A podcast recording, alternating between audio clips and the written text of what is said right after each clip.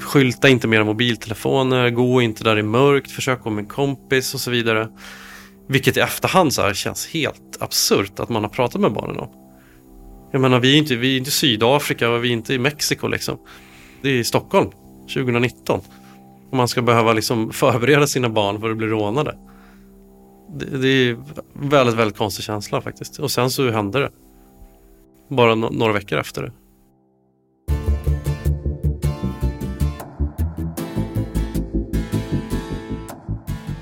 Du lyssnar på Sveriges viktigaste podd, Trygghetspodden, från din trygghet med Anders Königsson.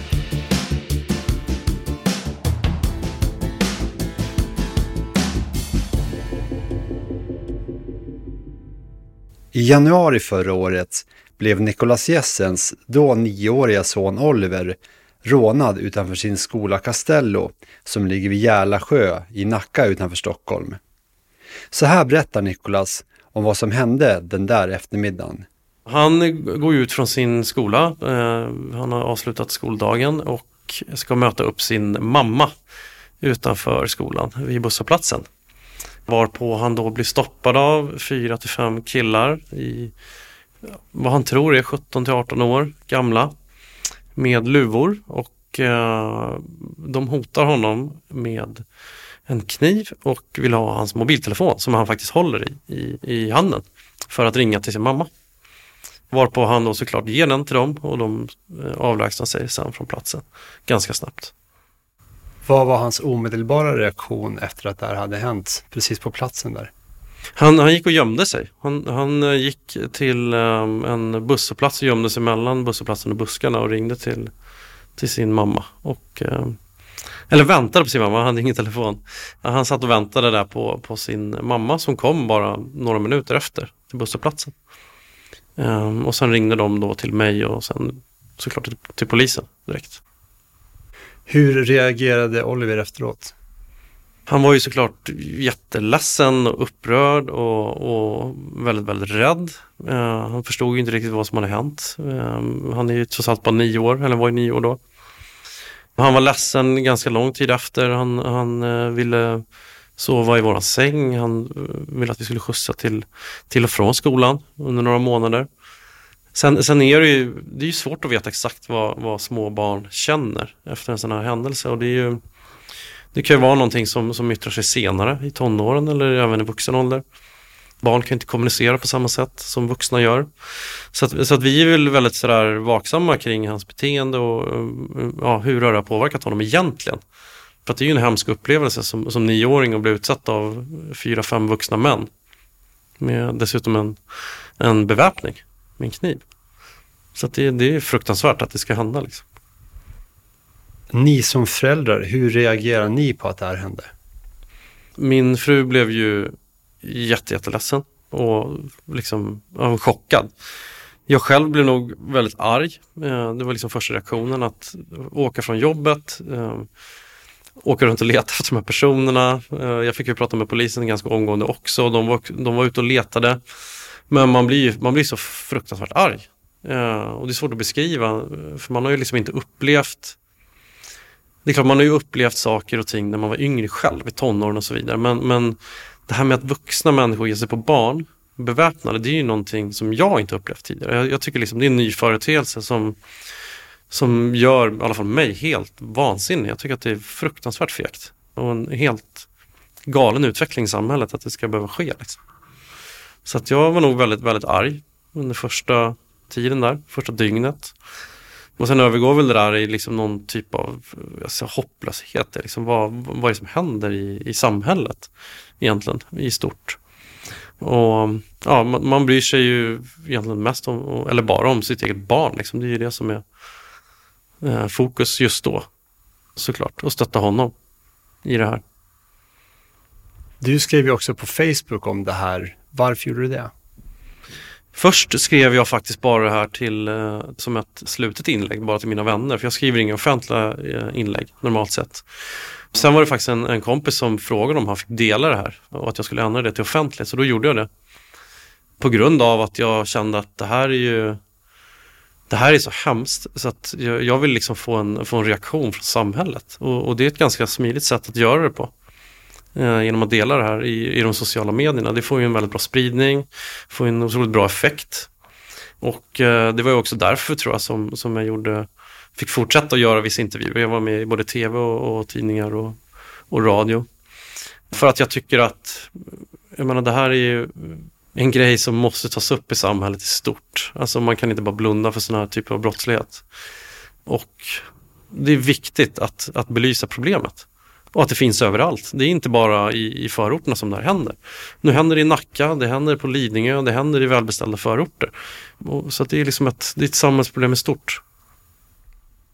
Vad fick du för reaktion på det här inlägget på Facebook? De flesta reagerar väl med liksom, eh, avsky och, och liksom, såklart att det är fruktansvärt synd om, om ett barn som blir utsatt för det här.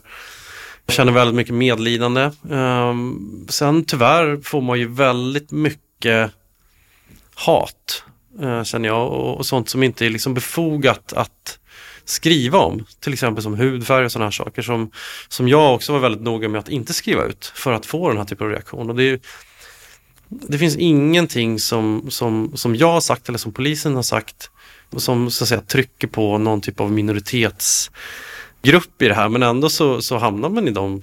Man får sådana kommentarer direkt.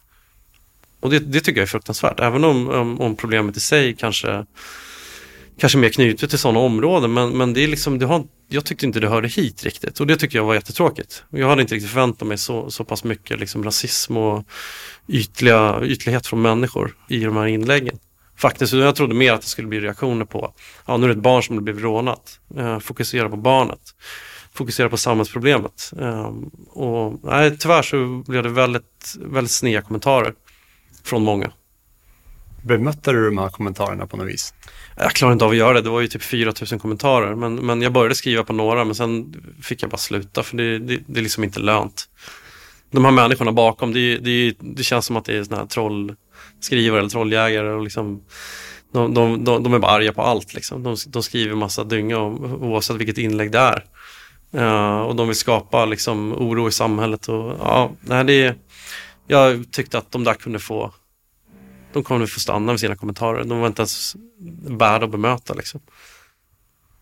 Det var ju en våg av rån som skedde i Nacka förra vintern. Vad tänkte du medan det här pågick, den här rånvågen? Vi pratade faktiskt med barnen om det här för att Oliver har ju en lillebror och sen har han också en storebror som är tre år äldre som rör sig ute betydligt mer än vad han gör. Så vi hade faktiskt pratat med dem om de här rånen, för det var ju tiotal rån tidigare där som, som drabbade Nacka. Eh, jag tror till och med att det var 30 rån, men, men det var, ett, var väl ett tiotal som kanske berörde oss mer. Och vi diskuterade det här med, liksom, okej, okay, vad, vad, vad gör vi om, om ni skulle bli utsatta för det här? Skylta inte med era mobiltelefoner, gå inte där det är mörkt, försök gå med en kompis och så vidare. Vilket i efterhand så här känns helt absurt att man har pratat med barnen om. Jag menar, vi är inte, vi är inte Sydafrika och vi är inte i Mexiko liksom. Det är i Stockholm 2019. Och man ska behöva liksom förbereda sina barn för att bli rånade. Det, det är väldigt, väldigt konstig känsla faktiskt. Och sen så hände det. Bara no några veckor efter det. Så att det är klart att det, det är hemskt eh, att man ska behöva göra det här. Men, men troligtvis var det ju samma gruppering som, som utförde många av de här rånen. Eh, och det blev också mycket, mycket lugnare i Nacka sen, sen sen de här uh, personerna lagfördes. Då. Polisen har inte fått tag i de här personerna som rånade din son. Hur har det här påverkat honom och er som föräldrar? Nej, alltså det är klart att man hade ju velat att de här personerna lagfördes. I det här fallet så vet vi inte exakt om de är lagförda eller inte, för det är ju personer lagförda för det här. Eh, de andra rånen så att säga. Men ehm, just Olivers rån lyckades man ju så att säga inte knyta till den här grupperingen heller. Eh, man, man letade på bussar och kameror och så att säga väldigt, väldigt många delar i de tekniska undersökningarna men, men lyckades inte knyta samma gäng. Eh, men det fanns ju vissa likheter så att säga mellan de olika rånen. Eftersom rånen har upphört så känner vi väl att okej, okay, de, de har antingen så att säga kryper tillbaka till, till sin hem, hemort eh, eller, eller så sitter de lagförda, det vet vi inte. Eh, det kommer vi förmodligen aldrig få svar på. Ehm, men, men jag tror inte att det är någonting som så att säga, Oliver funderar på, att han ska komma tillbaka eller någonting sånt. Han, han har inte tagit det personligt. Utan han, han, och vi har försökt säga till honom också att det här är någonting som som inte liksom sker dagligen och det är ingenting personligt mot dig. Um, och de kommer inte leta efter dig för att vi har polisanmält eller någonting sånt, utan det här är någonting som, ja, du kommer aldrig se de här människorna igen. Garanterat. Enligt nationella trygghetsundersökningen som görs av Brottsförebyggande rådet så har det skett en ganska avsevärd ökning av personrån i Sverige från 2015 och framåt. Och enligt lokalstatistik så har det skett en kraftig ökning av rån mot barn och ungdomar i bland annat vissa delar av söder och västerort. Hur ser du på det här? Nej, men jag tror att alltså, det här är en ny typ av brottslighet som vi ser och, och jag menar, det, här, det finns ju ute i världen. Det finns överallt och nu kommer det till Sverige så det är egentligen inget, inget unikt. Och vi, vi, vi sätter på oss dyrare kläder, vi sätter på oss vi har, vi har dyra attiraljer som mobiltelefoner och ringar och, och smycken, mössor, skor. Och vi rör oss också på ett annat sätt mot vad vi gjorde tidigare kanske. Och um, ja, men det, det, det, det, är en tråkig utveckling i samhället som man absolut måste få bort eh, oavsett.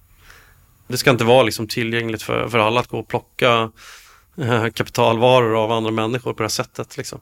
För de flesta rån sker ju bara genom att hota folk.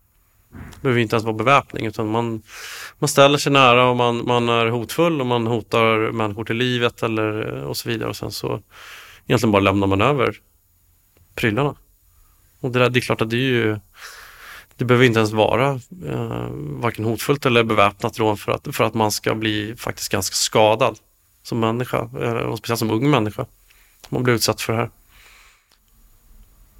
I förra avsnittet av Trygghetspodden så träffade vi en tjej, Sabina, som bland annat begått rån mot andra ungdomar för att finansiera sitt drogmissbruk.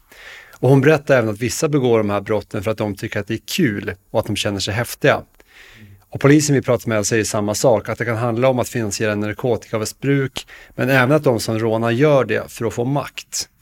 Vad känner du när du hör det? Ja, men jag, jag håller med om det och jag delar den uppfattningen. Ehm, jag tror ju mycket väl att det kan vara så att det är, eh, det är unga kriminella. De kommer från, från eh, grupperingar och samhällsskikt där man, liksom, där man behöver begå vissa typer av brott för att stiga i graderna. Eller man, man vill imponera på någon. Jag tror egentligen inte det handlar om att, att, att stjäla en mobiltelefon. Jag menar den har ju liksom inget, inget ekonomiskt värde egentligen och den är ju i princip obrukbar för en, en, en 16-åring eller en 17-åring. Så att absolut, jag, jag, tror mycket väl det kan handla om, om stora delar eh, grupptryck och eh, tillhörighet. Man vill stiga graderna i någon typ av gruppering eh, och så vidare. Eh, vilket gör det hela liksom ännu mer hemskt egentligen. Att man, man kan göra så pass liksom ja, en så, sån, sån resa i, i kriminaliteten genom att bara eh, så att säga ge sig på sådana här unga människor helt empatilöst liksom, och, och, helt oförstående. Faktiskt, och att man inte kan koppla det här liksom, till att ja, men det här är ett barn som du liksom sätter spår i själen hos i all, för all framtid. Liksom. Och, och gör man det dessutom för att man tycker det är kul eller för att vara häftig, och så är det ju, ja, det, det är ju det är helt galet alltså. Det är så svårt att förstå.